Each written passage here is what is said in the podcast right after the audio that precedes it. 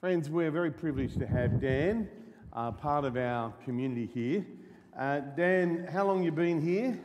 Uh, this is my second year here, but my first year as like a MTS trainee. Yeah. Okay, so it's a two-year traineeship. Yep. Okay, and it's taking a while to get up here and speak. Yep. In fact, it should have been last week. Yep. I was sick last week. You called a sickie on your first sermon. All right, okay.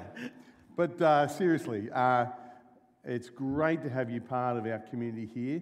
Uh, friends, I've heard this sermon and it is a good one. I know we'll be encouraged. And uh, bless you, brother. Let me uh, again pray for you. Father God, as Dan opens the word to us, I pray it'll be as God speaks to us right now. And I pray that we might find encouragement in, uh, in times of difficulty, that we might persevere and grow in faith. So, would you change us in this process? And we pray this in Jesus' name. Amen. Amen. Thank you. Um, so, I was supposed to say last week we looked at Ezra 3, but um, two weeks ago we looked at Ezra 3, and God's people, the Israelites, began building a temple in Jerusalem. Um, and the foundations of this temple were laid, and the altar was rebuilt. And from this, God's people were able to worship Him once again on His terms in the place that He wanted them to. Uh, and then God's people celebrated. They'd started building their temple and they had the foundation. But today I'm going to be talking about what happens when it feels like celebrating should stop because opposition has come. So I'll do that by going through Ezra chapters 4, 5, and 6. So we'll go look at a few different passages. And for those of you writing notes, the three points we're going to go through, the three things that God's word is saying in this is one, we need to be prepared for opposition. Two, we can encourage one another to persevere and have faith. And three, we can celebrate and have joy because God's plan ultimately succeeds. So let's see what, let's start at point one um, being prepared for opposition. And I want to ask you a question for you guys to have a think about. Have you ever faced opposition for following what God wants? I ask this because everyone has faced opposition in one way or another. We've all faced.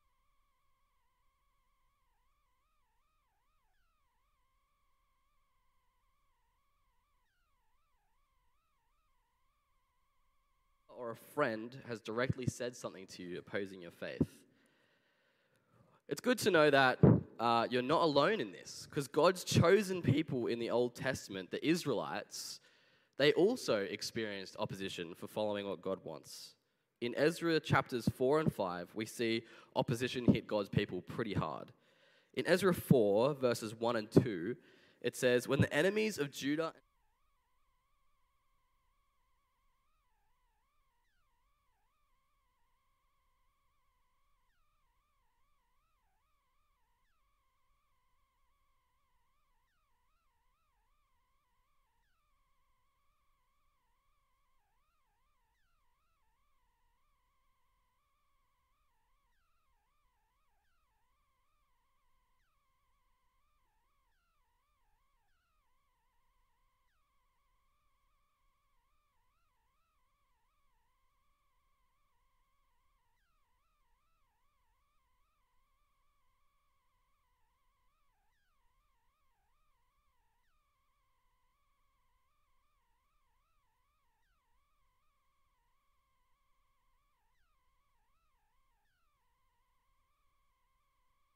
there's these enemies of Judah and Benjamin, and these enemies we think are the Samaritan people, the people around uh, Judah, who were left behind when Judah got exiled over to Babylon. And these people have come in and they've married another remnant of people that were left behind.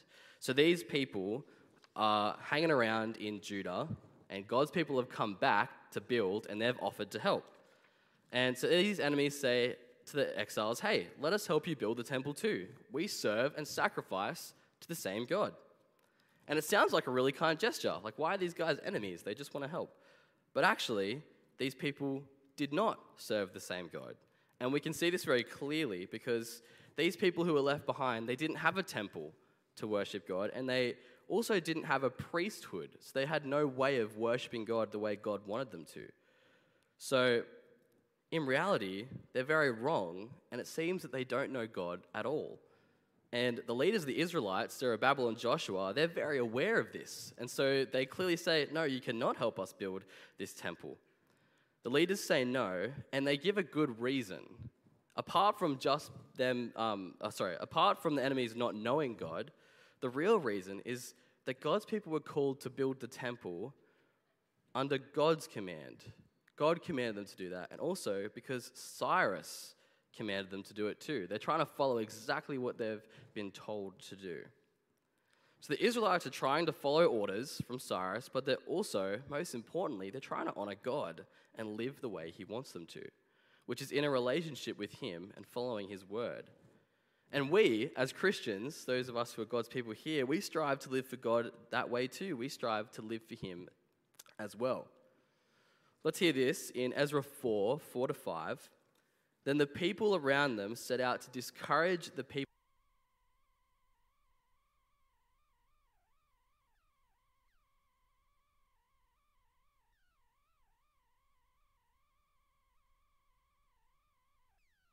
The Israelites are now setting out to intentionally and forcefully discourage them to the point of making them afraid to go on building.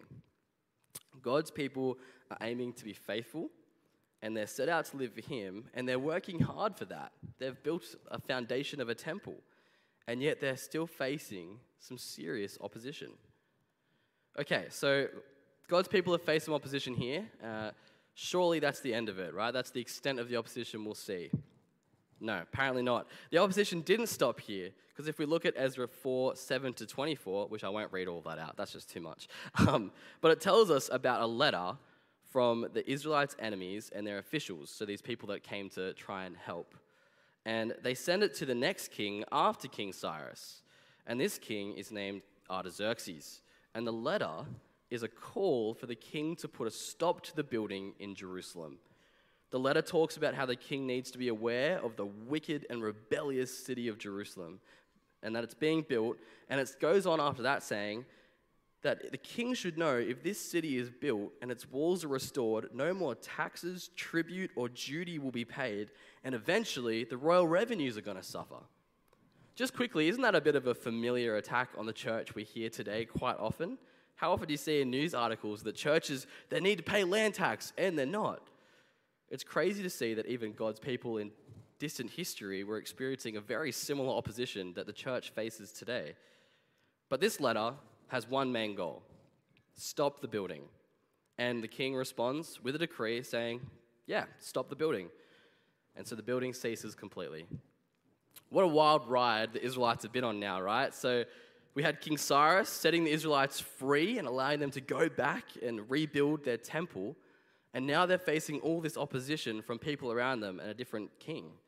So God's people are striving to live for Him, but they've been opposed. So I'll ask that question again that I asked at the start Have you ever faced opposition for following what God wants? Have you ever felt scared to follow God? Felt pressured by those around you to stop working to live for Him? Being faithful in opposition can be hard, and it can even be scary at times. But what we can see clearly here is that even in God's plans and purposes, there will be opposition. Being a follower of God doesn't cancel out opposition. In this instance, we see that being a follower of God, there's actually a lot of opposition that's come along. And as God's people, it's our calling to live faithfully to God. And when we fail at that, we need to respond in confessing that how we haven't lived for Him and then turning back to Him in faith once more. But in all of this, we need to be prepared for opposition. That's the first thing. Be prepared for opposition. Now, you might be thinking, okay, thanks, Dan super keen to face opposition. Uh, awesome. Good first sermon. Uh, how am I going to do that? uh, and I say to that, great thoughts, very good. Uh, and the basic answer is don't go it alone, right? Uh, encourage each other to lean on God. And that's the second thing that I think God is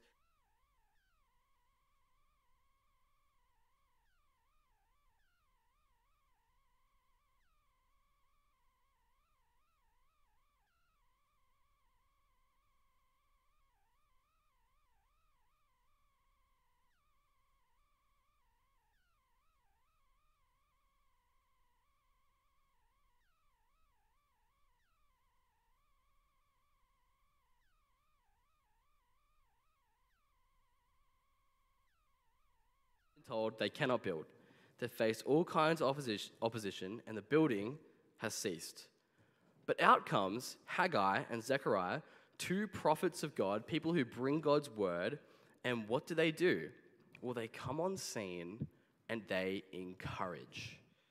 They encourage God's people. They came in and they supported God's people in their faithfulness to God. Listen to Haggai chapter 1, verses 13 and 14. Then Haggai,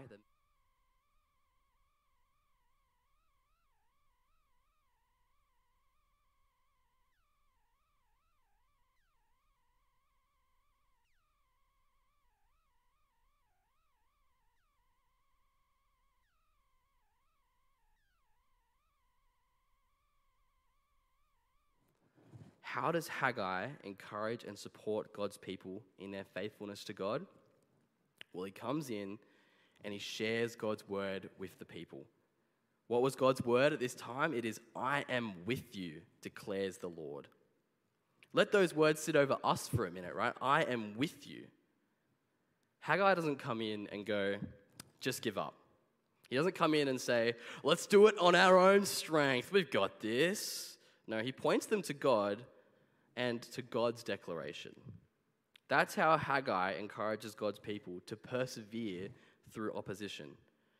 Wouldn't that be so refreshing to hear as one of these people who have been opposed and stuffed around just for trying to follow God? To hear that God is with you. That would have so much weight to it for them. The God that brought them out of Egypt, the God that brought them out of Babylon, the God that created everything, He is with you. Haggai uses God's word to encourage and support the Israelites through their opposition. Now, isn't that a great calling for us? Us as God's people are called to encourage one another, to spur each other on. Not with phrases like, you've got this, or I believe in you, or good luck, but actually, phrases like, God is with you. These are His plans, they're God's plans and God's purposes. Lean on Him. How good would it be if we used God's words as our encouragement to each other on the daily? So, how are we going to encourage each other through opposition? Well, firstly, God's word.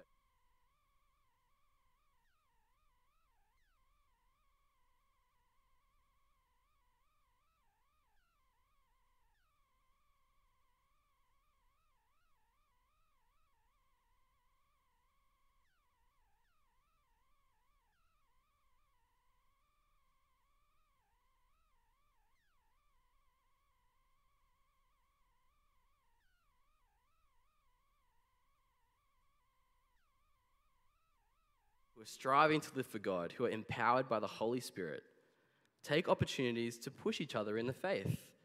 Encourage each other to trust God even in hardship, even when opposition comes. Imagine if, in all situations, as God's people, we sought to spur one another on in the faith. Wouldn't that just be so refreshing and encouraging? Okay, this is the last point uh, from the text, is what God was.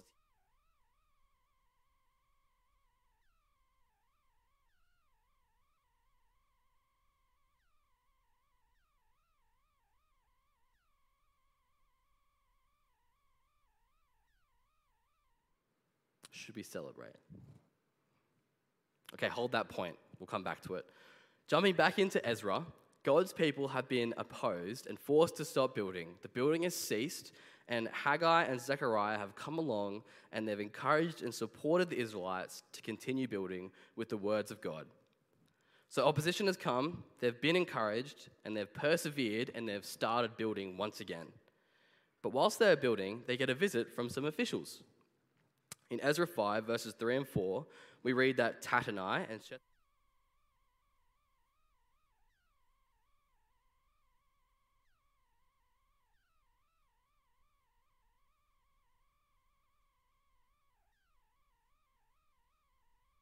following their duty, right? They're checking in and seeing what's going on in the land and ensuring that everything is going correctly under what the king desires. So they ask of the Israelites, who authorized you to rebuild this temple and to finish it? And they also ask, and, and what are the names of you guys constructing this building? And these questions were just to ensure that the Israelites do have permission for what they're doing, and the king is aware. Later in chapters, uh, chapter 5, verses 10 to 16, we get a copy of a letter that is sent to the new king, the king of Persia, which is King Darius. So, this is the third king that we're being introduced to here. So, let me just give you a quick reminder of the kings, because I got really lost while reading this the first time. Uh, so, the first king is King Cyrus. Cyrus has set them free from Babylon and allowed them to go rebuild the temple. Then King Artaxerxes came along, and he was the guy that said, No, don't build the temple, put a stop to it. And then this third king is King Darius. Everyone with me? All right, great, good. Um, so this letter is sent from, the, from Tattenai and Shethar-bozenai to King Darius, and it outlines the names of the Israelites and their explanation of what is happening in their history, including their unfaithfulness to God and their exile and their return to Babylon. And they also explain that they had been sent back to Jerusalem under the provision of God and under the decree of King Cyrus. They've made this letter just giving all this information to King Darius. Now, chapter 5, verse 17 says at the end of this letter, Now, if it please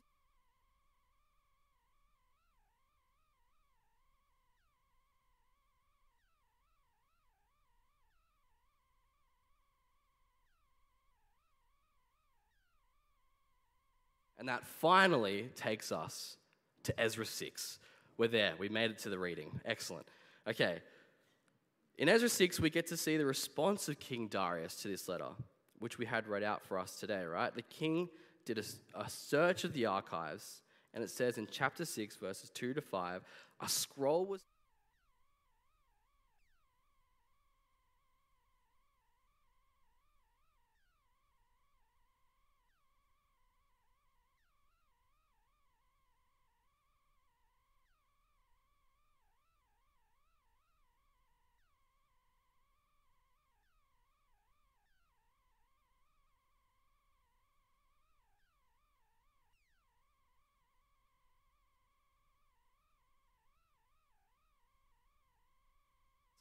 that we had read out all the way at Ezra 1 in the first week of this series.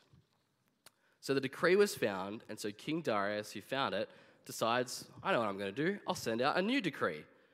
And this decree is actually such a sigh of relief for God's people. But it's all according to God's plan, because this wasn't a surprise for God. This was part of his plan the whole time for rebuilding the temple. The king in chapter 6, verse 7 says, Do not interfere, interfere with the work on this temple of God. Let the governor of the Jews and the Jewish elders rebuild the, this house of God on its site. What good news! Hooray! The temple can be rebuilt completely. This means that God's people can finally come before him and worship him. But there's more.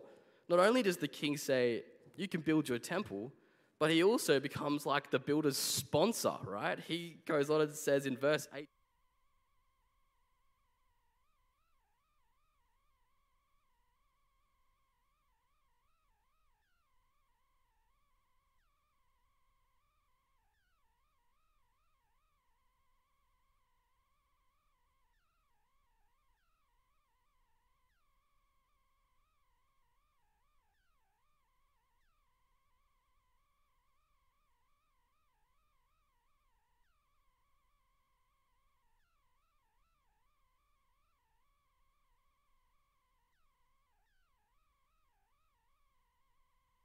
Do this so they may offer sacrifices pleasing to the God of heaven and pray for the well being of the king and his sons. The king hands over everything to the Israelites that they need to build the temple and to restart their relationship with God. The king even defends the Israelites. It says, if you oppose this decree, a beam will be pulled from your house and you'll be impaled on it. That's some pretty serious defense. And then it says, and your house will be made into a pile of rubble. This guy is serious. He wants to defend them as well. And the letter finishes with May the God who has caused his name to dwell there overthrow any king or people who may lift a hand to change this decree or destroy this temple in Jerusalem. I, Darius, have decreed it. Let it be carried out with diligence. What a mic drop moment, right? Finish the letter. I, Darius, have decreed it. Drop. Wow. Not only does the king say, Go and build, but he also says, I'll support you and defend you as you do this. What a huge turnaround. goes from opposition to encouragement and now to support from the king himself. Verse 14 says So the elders of the Jews continued to build.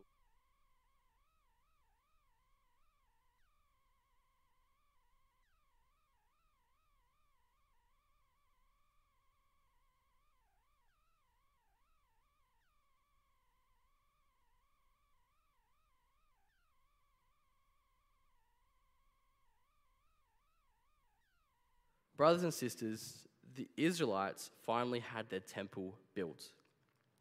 Through this temple, they can once again have a relationship with God because now the priests can sacrifice to God.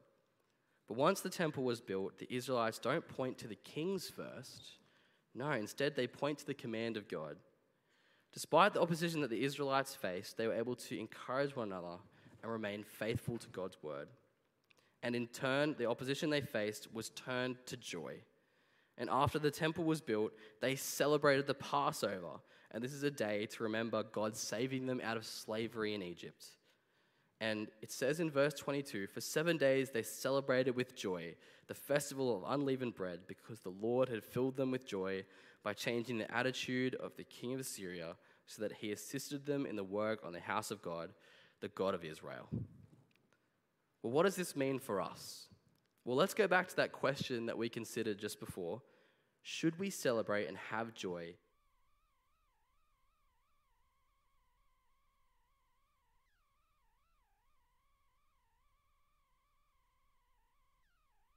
Promises to the Israelites of rebuilding the temple. Even when things looked bleak, even when there was opposition, God had a plan to build the temple. He had a plan for it to be rebuilt, and he had a plan for it to be completely supported by the king. Brothers and sisters, God is faithful to his plans. God wanted his people to have relationship with him and be able to worship him. He planned for the temple to be rebuilt so that this could all happen. And we, we have Jesus. For the Israelites in Ezra, the temple was their place to come near to God on earth. But for us, we have Jesus who came to be the temple in the flesh. And now that temple, now the temple is actually dwelling in each of us, in each believer. And we can draw near to God because He lives in us through the Holy Spirit and is present when we gather together as the church. God's plan succeeds, and we will one day be in heaven where there'll be no need for a temple because we will be in the presence of God and there'll be no opposition at all. So let me conclude by saying Brothers and sisters, we need to be prepared for opposition.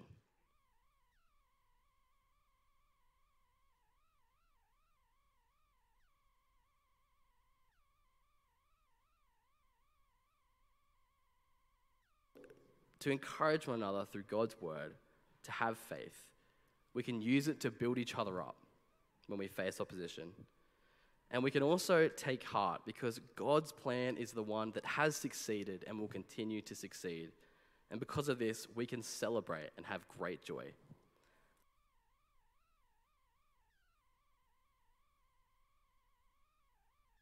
And your plans succeed. Lord, please help us to be prepared and ready for when opposition does come, whether it's in our own lives or whether the church is facing it. Help us to be prepared. Lord, give us wisdom in the ways that we encourage and support one another using your word that we may build each other up to have faith. And help us to face opposition with this encouragement that we can give and receive to one another. And Lord, please help us to take heart because, Lord, your plan is the one that has succeeded and continues to succeed. And Lord, help us to celebrate and have great joy despite whatever opposition we may face, knowing that your plan has already been won. Amen.